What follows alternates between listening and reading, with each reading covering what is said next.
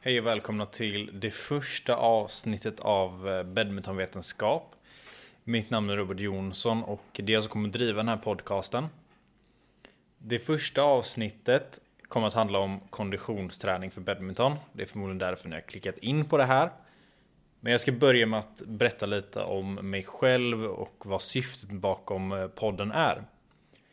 Namnet badmintonvetenskap kommer från eh, att jag pluggar idrottsvetenskap och vill därför lära ut eller liksom förmedla vidare det jag lär mig och har lärt mig från eh, skolan. Även erfarenhet kommer att spela in. Trots att inte jag varit Sverige topp så vet jag hur det känns att träna 10 pass i veckan och jag har ändå spelat med och mot några av de bästa i Sverige och eh, hållit på väldigt länge. Så mycket av erfarenheten kommer ju handla mer om vad jag gjort fel mer än vad jag gjort rätt. Och hur man, eller hur du kan tänka för att inte göra samma misstag som jag har gjort, eh, eller människor i min närhet har gjort kring mitt idrottsutövande. Jag har varit aktiv inom badminton i 19 år. Jag började när jag var 6 år gammal det var då jag fick upp intresset för det, vilket var eh, intressant för det var den enda sporten som jag inte hade någon talang i överhuvudtaget. Eller den enda, den enda men eh, jag testade handboll och hockey, vilket jag nu inser hade varit mycket bättre karriärsval för min del. Men badminton blev den stora kärleken och jag har varit det ända sedan dess. Det har väl varit vissa perioder när det inte varit jättebra relation mellan mig och badminton. Men eh, det kommer alltid vara min idrott. Även om andra intresserar också såklart så, så är det ändå badminton som, som kommer vara huvudpersonen. Huvudidrotten i mitt liv. Det kommer att pratas mycket i den här podcasten om um, träningslära för det är väl där jag har mest kompetens så. Även inom idrottspsykologi och med det liksom den fysiska och eh, mentala biten. Men jag har även pluggat mycket ledarskap, organisation, sportmanagement. Ehm, ja, en del olika saker. Och eh, jag är nu, jag håller precis på att avsluta mitt andra år. Så nästa år vid den här tiden så är jag klar, eller förhoppningsvis klar med min kandidatuppsats. Och är förmodligen, eller förhoppningsvis på väg in i badmintonförbundet eller badmintonvärlden i stort. Ehm, för det är ju dit jag vill. Jag vill ju eh, på samma sätt som eh, som jag driver den här podden så är ju mitt mål att göra badminton större. Hjälpa folk eh, som kommer från min bakgrund, liksom i mindre klubbar där det inte finns några direkta resurser. Det är mycket mm, så här ska man träna, så här ska man träna eller nej men det är så här man tränar. Och det är väldigt mycket egna tankar och teorier och sånt som eh, väldigt mycket subjektiva grejer där, där det har funkat för någon och då ska det funka för alla liksom. Eh, och, så det här gäller ju inte, vissa av grejerna gäller ju inte lika mycket för en person som till exempel börjar spela i Västra Frölunda badmintonklubb där jag ja, numera aktiv eller jag har precis varit tvungen att sluta på grund av en axelskada som inte kommer att läka. Men eh, för, för, för de av oss som har börjat i småklubbar eller spelar i småklubbar så är det betydligt svårare för då finns det sällan eh, det är eldsjälar som driver liksom. Att det är inga direkta pengar av tränare utan man, man gör det för att vara schysst eller man tycker om sporten, man är ungdomsledare. Eh, och det är svårt. Eh, I Frölunda så är ju alla väldigt välutbildade, har mycket kunskap, mycket erfarenhet. Eh, liksom det är en stor tradition av att ta fram duktiga spelare. Och så är det ju i de flesta storklubbarna. Vare sig det är i Stockholm eller om det är de andra i Göteborg så finns det en god tradition där bland ja, talangutvecklingen i, i ungdomsgrupperna. Men Eh, det saknas. Eh, jag började spela i Torslanda badmintonklubb som liten och ehm, Det, de hade en duktig tränare, men det var ju som sagt väldigt lite resurser och ehm, då blir det svårt. Det blir väldigt svårt att eh, bli någonting. Också då när man har en en ehm, hall som inte är gjord för, där, där det är handbollsmänniskor som vill inget annat än att eh, badmintonklubben ska gå i konkurs i princip för att de ska kunna spela mer handboll där. Så det var ju ständigt krig och liksom banorna var ju förstörda av klister trots att, trots att eh, det konstant var städning så märkte man ju av det att eh, man, man fastnade ibland och det var det var inte så bra. Så det här, så för mig är det viktigt att alla eh, får en chans att Även om du spelar en liten klubb så ska du fortfarande kunna få redskapen man behöver för att, för att kunna bli så bra man vill bli. Jag letade väldigt mycket när jag var liten om träningsprogram och eh, allt jag kunde hitta om hur man tränade för att bli bättre på badminton och det har aldrig funnits så mycket information om det utan det har varit mycket så här många pass tränar jag i veckan. Från hos en duktig juniorspelare då eller enklare beskrivningar av sommarträning liksom att man ska springa med den pulsen typ. Och det är väldigt eh, på den tiden var det lite, lite abstrakt sådär för någon som inte visste men vad, vad innebär det liksom? Vad är 160 i puls? Jag har ingen aning. Och eh, det ledde ju till att det blev lite av en besatthet för mig liksom, att förstå hur man ska träna för badminton. Och eh, här är vi idag. När jag eh, verkligen kan fördjupa mig i den kunskap som finns. Och badminton är fortfarande ett väldigt nytt område i idrottsvetenskap. Det är liksom inte det är inte överdrivet många studier som görs på badmintonspelare. Tyvärr. Det finns några stycken och de kommer jag ju liksom nämna i de olika poddarna där det är eh, relevant.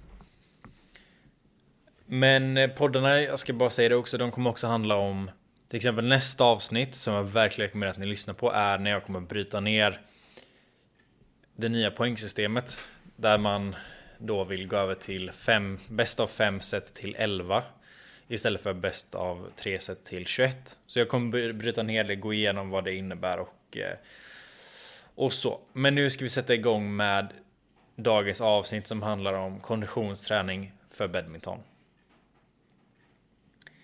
Man måste tänka på att när vi pratar om konditionsträning för badminton så finns det många olika grejer vi kan, vi kan tänka oss. Mycket kommer att handla om vad du kan göra utanför plan. Liksom i, eh, ska du ut och springa en mil så fort du kan? Eller ska du köra intervaller? Vilken typ av intervaller? Finns det ett syfte att köra långdistans? Ibland. När på säsongen är det bättre att göra vad? Men målet med den här konditionsträningen för badminton är ju någonstans att vi vill orka mer på plan. Eh, vissa vill orka mer, vissa vill bli snabbare.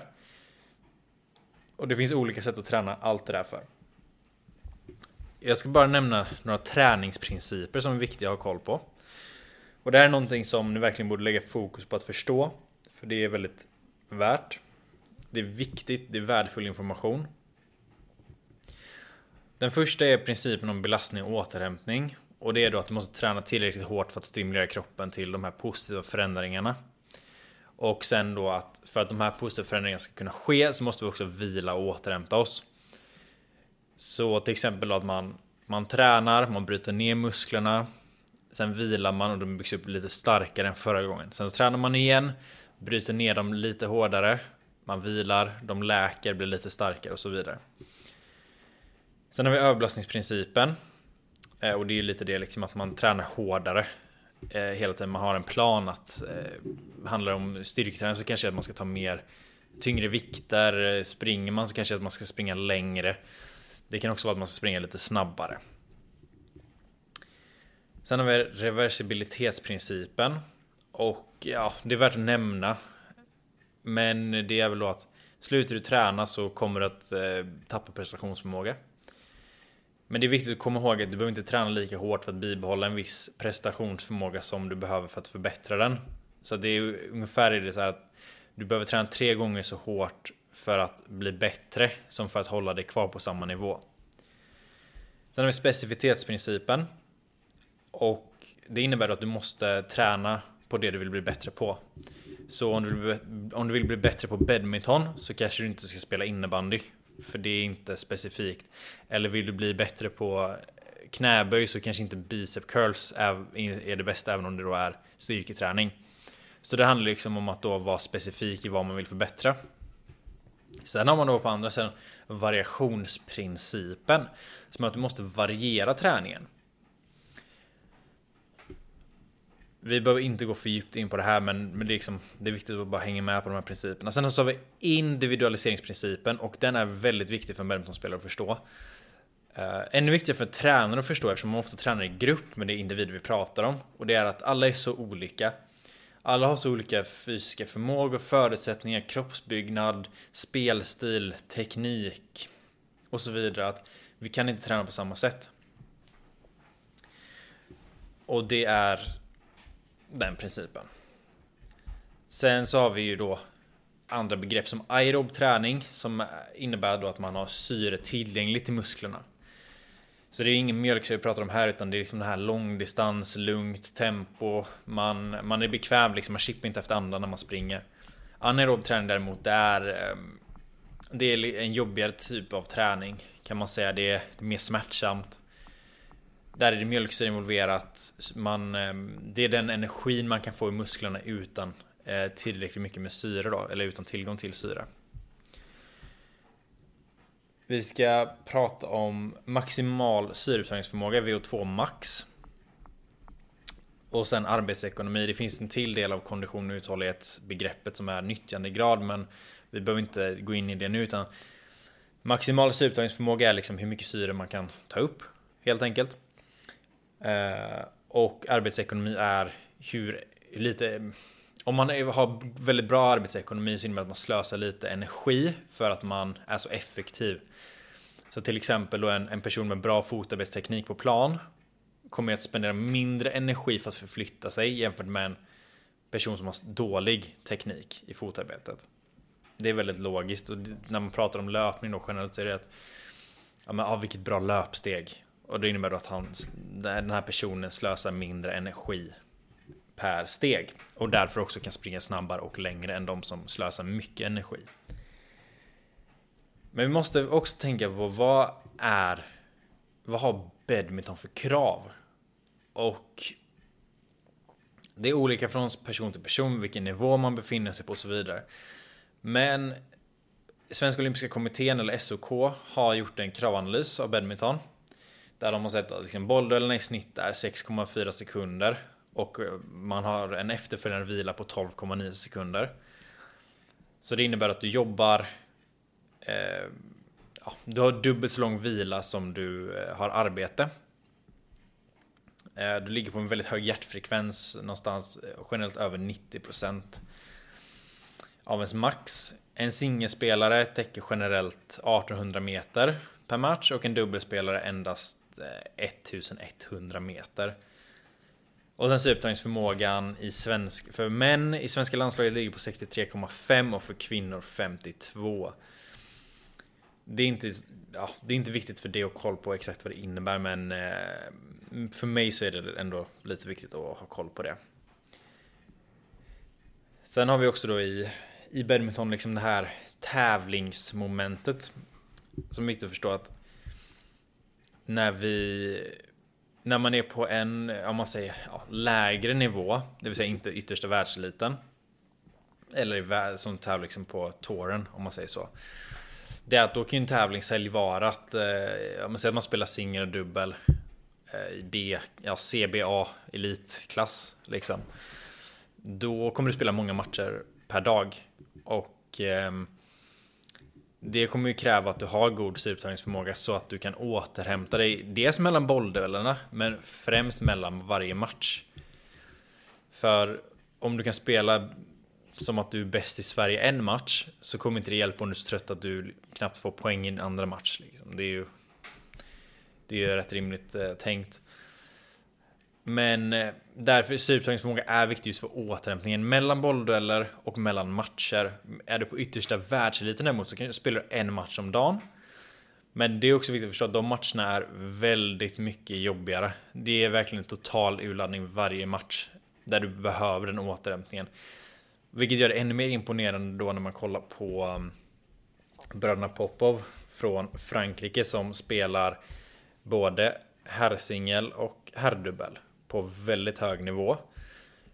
Där, ja, det är ju i princip, jag vet inga andra herrsingelspelare som spelar herrdubbel också, eller nästan en annan kategori alls på den nivån. För nu pratar vi ändå där topp 50 i världen i båda kategorier, topp 30 kanske där till och med. Jag vet att så en av bröderna är ju hö mycket högre rankad i singel än andra. Men jag tror de är rankade runt 30 i dubbel och sen är väl den bäst rankade brorsan i singel någonstans runt 25 tror jag. Men det är väldigt imponerande just att de spelar på världsnivå i singel och dubbel. För singel är fruktansvärt slitsamt fysiskt. Det är olika krav i de olika kategorierna, men det är imponerande av de två att de kan eh, spela både herrdubbel och herrsingel på den nivån de gör. Men för att ta reda på vad man har för syreupptagningsförmåga eller hur, hur god kondition man har så finns det olika tester. Det vanligaste är Cooper-testet där man antingen springer 3 km så fort man kan eller 12 minuter eh, så långt man hinner. Och för att ha en, en god syreupptagningsförmåga så säger man att 3 km på 12 minuter är, det är mycket god kondition. Men för idrottare så är det andra krav och då som kille så ska du definitivt satsa på att ligga, om du, om du vill bli bästa, eh, alltså bäst i Sverige, liksom väldigt hög nivå så måste du sikta på att ligga mellan Alltså någonstans runt 3 och 2 3800 meter på, på 12 minuter. För kvinnor är det lite lägre men det är fortfarande över 3 kilometer på ehm, på 12 minuter. Sen är det inte det lika viktigt som att faktiskt vara duktig på badminton för det är som sagt väldigt olika grejer. Men, men just för att få en indikation på att, eh, hur det ser ut. Ett bättre test egentligen för badminton är ju beep-test eftersom att badminton är Det handlar om riktningsförändringar hela tiden. Och eh, ett Cooper-test, ja, det är, du springer bara fram hela tiden. Det är inga riktningsförändringar. Och badminton har riktningsförändringar och därför är det viktigare att se med hur effektiva man är på det. Sen så är det inte lika lätt att få fram ett eh, tillförlitligt resultat på ett beep-test som på ett um, Cooper-test. Men det är bättre om du ska tävla mot dig själv att bli bättre på ett beep-test än uh, på ett Cooper-test. Det bästa testet uh, av de här tre som jag kommer nämna nu är ju jojo-testet. Och det är som ett beep-test, det är riktningsförändring men du får ha en kort vila.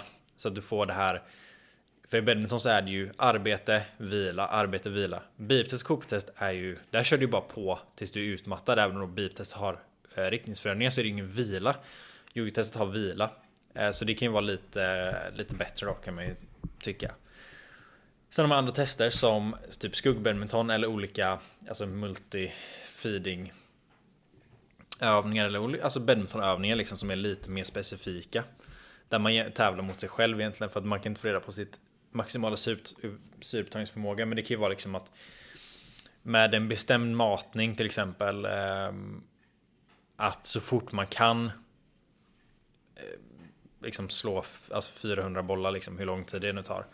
Eller om man till exempel testar, man gör ett, man har 20 högar med, eller 20 rör med 10 bollar varje. Totalt 200 bollar då. Och eh, det är liksom ens max. Man får en viss vila mellan varje, hö, mellan varje rör. Och sen så um, så går man liksom tills, tills man är helt slut och säger att man kanske klarar 160 stycken då. Eh, som ett exempel.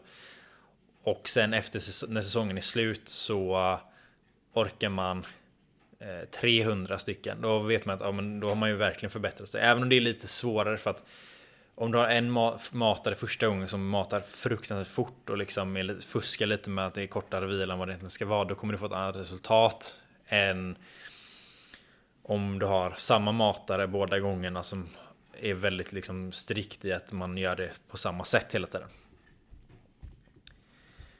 Men så är det med det. Sen så ska man också tänka på vad man har för egna styrkor och svagheter. Till exempel jag som spelare av någon anledning valde jag att spela singel, vilket är jättedumt för jag är inte byggd för det, jag är inte tränad för det. Jag borde inte hålla på med den kategorin. Men jag gjorde det ändå och eh, Eftersom att jag då eh, väger mer än vad man bör göra för att vara liksom optimal på plan. Så var jag tvungen att eh, anpassa min spelstil efter det. Och det var ju att jag var tvungen att avgöra bollduellen fort för att jag skulle inte orka spela långa bolldueller. Sen kan man prata om att hade jag haft till exempel bättre teknik eller bättre säkerhet i vissa av slagen eh, eller spelas liksom mer taktiskt kanske. Så att jag hade kunnat spara mer energi. Det kan till exempel vara att istället för att alltid försöka gå upp och smasha när det kommer ett lift i, backhand så ja, men man går runt liksom slår en slå tillbaka liksom en, en lugn kontrollerad backhand lite längre in i plan så jag har tid fram liksom. Kanske jag skulle spara mer energi.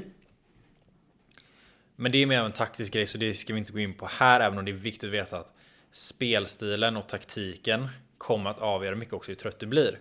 För du kan ha bra fotarbetsteknik men du slår dumma slag så du får täcka upp dina egna misstag hela tiden. Då kommer du bli trött ändå. Så det är ju ett komplett paket det där. Men så för mig då, så jag var ju tvungen liksom att avgöra bollen fort. Det jag hade varit tvungen att göra för att eh, ja, men liksom bli, orka med det och inte vara tvungen att anpassa min spelstil efter mina fysiska begränsningar så skulle jag ju verkligen jobbat på min styrketräningsförmåga. Och eh, blivit mer vältränad helt enkelt.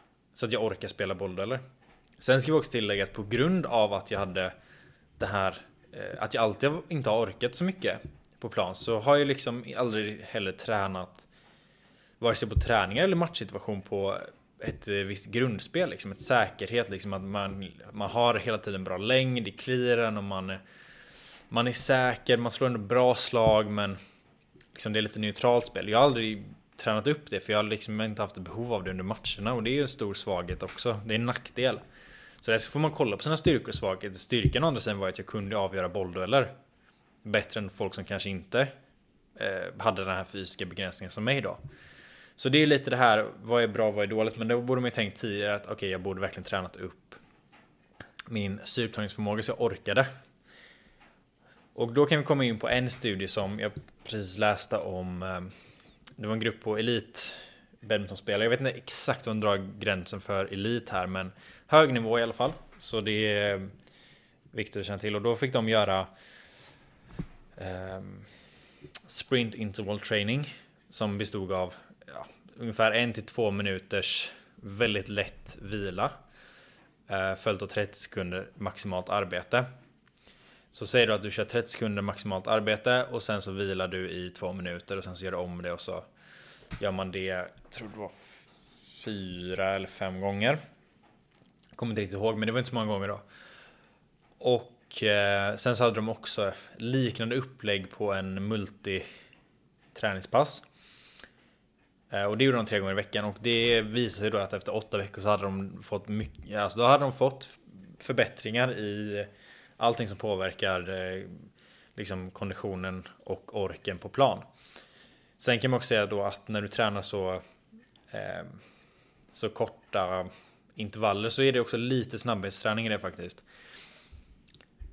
Men ehm, det man vill få ut av det är att intervallträning är jättebra för badmintonspelare jag hade, hade jag gjort det här stu, den här studien på dem hade jag eh, också haft en grupp som gjorde 30 sekunder verkligen max tills man är helt färdig, helt alltså total failure. Vilar så länge man behöver, liksom att man om man sitter på cykel så trampar man fruktansvärt lätt, liksom inget motstånd alls nästan. Eller om man eh, springer så går man väldigt långsamt och sen vila tills man är redo att göra det igen. Så man har lite längre vila än vad de hade i den här eh, studien.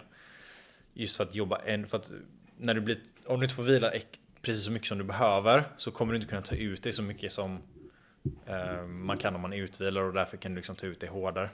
Så det är ju det är väl det jag vill testa. Men det visar i alla fall att intervallträning är väldigt effektiv för badminton. Och då ska det vara intensiva intervaller. Men då har man ju också lite så här, beroende på vad man är i säsongen så får man också tänka på att eh, det är inte alltid eh, eh Det är inte alltid bra att köra samma träning.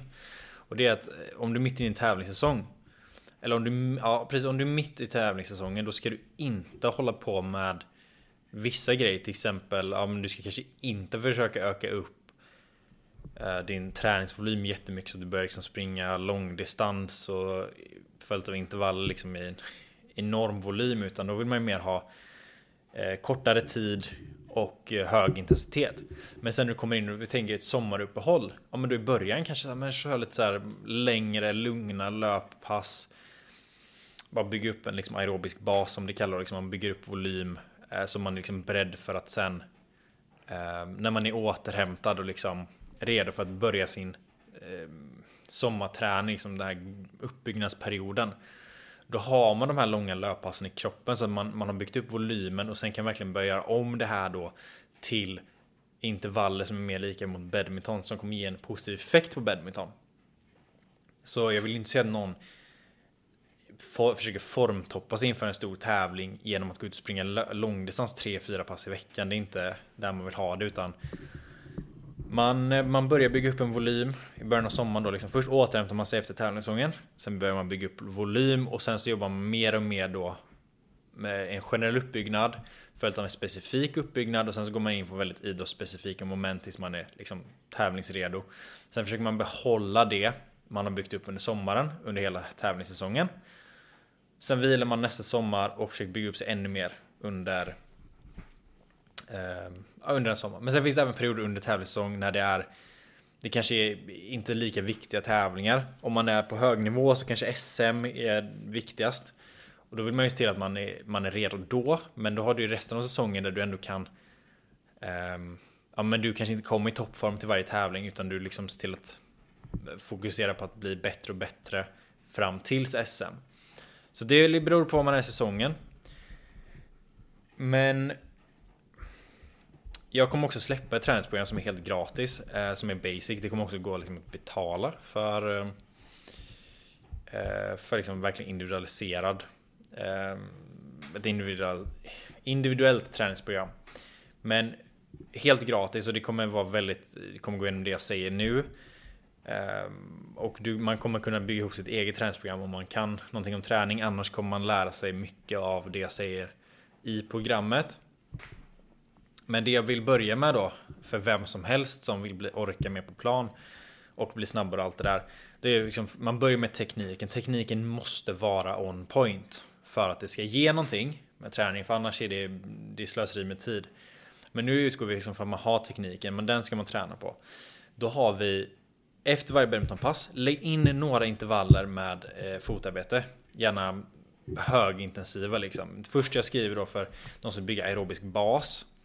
Så det här kan man tänka är mer av ett sommarträningsprogram eller liksom det är inte någon tävling på G. Sådär. Eller bara om man inte är alltså yttersta elitnivå utan det här är det för någon som kanske eh, Ja men liksom, det kan vara olika, det kan vara hög nivå, det kan vara låg nivå. Men liksom det är inte det här att man Man siktar kanske inte på SM just nu utan det här är mer så här Mellan tävlingar och så. Men man lägger in skugg eh, eller fotarbete efter varje badmintonpass och nu utgår jag från att man har två pass i veckan badminton. Eh, så man kanske börjar med 10 stycken 10 sekunders intervaller. 15 sekunders vila mellan varje. Det kan också vara 20 sekunders vila. Man väljer själv lite grann. Där man varje vecka då försöker öka upp det här lite med att man kanske ökar upp med en intervall. Så nästa vecka är det 11 gånger 10 sekunder. Nästa är det 12 gånger 10 sekunder.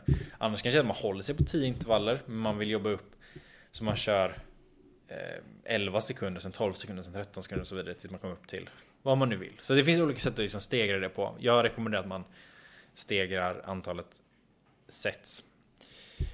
Men sen tisdagen så är det, det kan vara löpning, det kan vara crosstrainer, det kan vara cykel, det kan vara rodd. Men någon typ av konditionsträning som inte är badminton specifik. Och då är intervaller, fyra stycken gånger fyra minuter där man ska det är ungefär 90% av VO2 max och vad innebär det? Ja, det innebär att du ska, du ska vara trött när du är klar. När du eh, har sprungit dina första fyra minuter. Sen ska du få 3-4 minuters vila. Eh, och då ska du ändå vara redo att kunna göra om det här. Och sen när du har gjort fyra så ska du vara du ska vara trött, du ska känna liksom att du har jobbat med, med lungor och hjärta men du ska inte vara helt förstörd och det ska liksom inte vara för mycket mjölksyra heller i det utan man ska ta ut sig. Jag känner att man verkligen jobbar med hjärta och lungor där. Och sen på torsdagen då eller onsdag när man nu har sitt nästa badmintonpass. Ofta, jag vill ändå säga att det är liksom måndag, torsdag eller tisdag, torsdag. Om man tar två pass i veckan. Då kör man också fotarbete efter träningen och då kan man göra eh, fem stycken intervaller gånger 30 sekunder. Där man vilar 30 sekunder mellan varje. Och sen så tar man en lite längre paus på typ två minuter kanske. Och sen så gör man om det så det blir totalt 10 intervaller gånger 30 sekunder. Eller ja, 30 sekunder. Uppdelat på 2 gånger 5 gånger 30 då. Och sen så tar man på lördagen ett distanspass. Och det kan vara olika för vi, alltså vem man är och hur, vad man har för bakgrund och så. Men mellan 20 och 60 minuter, det ska vara lugnt. Man ska inte man ska ändå känna att man har mer kvar i tanken när man kommer hem. Men det ska ju heller inte vara liksom så här, inte ens svettig utan hitta den sköna balansen där. Och i början måste man komma ihåg att i början, kan, i början kommer det vara tufft. Liksom. Det är bara att anpassa efter det. Men sen så finns det också fler eh, typer av träningsprogram som jag har skrivit upp. Då. Det är ju eh, Ja men det, man kommer in på vissa som handlar kanske mer om att bygga explosivitet och då har man eh, något pass i veckan där du har Jag har faktiskt skrivit upp ett där man har där jag vill få med alla liksom moment av aerob och anaerob träning Och explosivitet, snabbhet, träning och så vidare. Och då har man eh, Skugg 10 gånger 10 sekunder, 15 sekunders vila. Sen väljer man själv om man vill köra 4 gånger 4 intervaller eller distans. 20-60 minuter då. Sen har man eh, till skugg fotarbetspass eh, 6 gånger 20 sekunder med 30 sekunders vila. Riktigt tufft kommer det vara. Det kommer verkligen suga. Och sen på lördagen så avslutar man veckan med 2 till 6 stycken gånger 20-30 sekunders max eh, intervaller. Med 2-3 minuters vila mellan varje. Och eh, det är då liksom, då får du med alla moment, fyra pass i veckan. Eh, det är rätt stabilt. Sen ska vi också prata lite så här ja, det blev lite avslutande då om att man eh, vad, vad, ska man använda för eh, liksom, vilken typ av konditionsträning ska man använda? Det finns ju mycket, det finns ju cykel, rodd, crosstrainer, ski, erg, hopprep, cirkelfys eller hit om man typ går på pass och sånt. Löpning är väl det vanligaste då, men vad är det man ska använda? Och det varierar. Crosstrainer är ju Ja, alltså det, det som är fördelen med det är att om, du har, om man har någon småkänning Någonstans att man känner att knäna är lite slitna eller så, så är det ju det är fruktansvärt skonsamt och du jobbar med så mycket stora muskler när du kör crosstrainer att det är väldigt bra för syreupptagningsförmågan. Eh, sen kommer inte det överföra sig lika väl då till till badminton för du kan liksom inte köra 15-15 intervaller på crosstrainer för att det blir inte, du kan inte få upp den hastigheten riktigt. Men om du kör 4 minuters intervaller eller distans om man säger så, då kanske man jobbar med liksom 40-60 minuter. Så det är väldigt bra för att hålla nere, det är lätt att kontrollera sin puls på löpning eller på crosstrain-spelet om man är nybörjare då. Att man, man kan ändå andas in genom näsan och sen ut genom munnen kontrollerat under den här långa perioden. Och det är jättebra för att verkligen stärka upp hjärtat. Sen kanske inte det kommer hjälpa dig så mycket med löpning. Men just då i form av att stärka upp hjärta och lungor. Eh, eftersom du jobbar med så stora muskelgrupper så kommer crosstraining vara effektivt om du ska köra de här liksom, längre, eh, lugna passen. Men cykel är ju fantastiskt bra. Det är ju också mindre, mindre slitsamt än löpning just för knäna. Och så, det är ju liksom lite mer... Eh, ja men det, man, det, är också Det är en väldigt bra grej om man kör liksom de här kortare intervallerna, typ 15-15 eller eh, vad man nu vill. Och det Eftersom du inte har någon direkt teknik när du kör cykel så kan du verkligen pressa dig till bristningsgränsen. Jag menar, kör du löpning så måste du ändå tänka på tekniken för att annars finns det en ökad skaderisk. Men jag tycker ju att variation är bra. Det handlar också om att variation i träningen är skadeförebyggande. Och den här träningen som inte är badminton specifik den, den har ett syfte som är liksom just att jobba då med hjärta och lungor. Om det inte är just för snabbhet eller explosivitet, då är det viktigare att ha cykel eller löpning. Men, men annars är det liksom det här, variation är bra, det är skadeförebyggande, så därför är jag väldigt stort fan av just det. Ehm, Kollar man hitträning då, där är ju det, ja, där har man som man brukar beskriva det om man går på ett pass som är hit så är det ofta liksom olika stationer. Det kan vara jumping lunges och burpees och sen är det någon kanske axelpress och liksom det kan vara väldigt varierande så. Det har också jättestora fördelar. Absolut. Men jag tycker att man ska, man ska inte förlita sig för mycket av sin konditionsträning på just hit på det sättet. Utan mer hit ska ju vara den faktiska definitionen av HIIT då, hit. Som innebär att du tar ut dig max i typ 30, ja, mellan 20 och 40 sekunder bara max. Och sen så vilar du så länge du behöver för att kunna göra om den här intervallen. Och det är ofta beroende på grad av, eh, av eh, fysisk status är det mellan 2 och 4 minuter ungefär.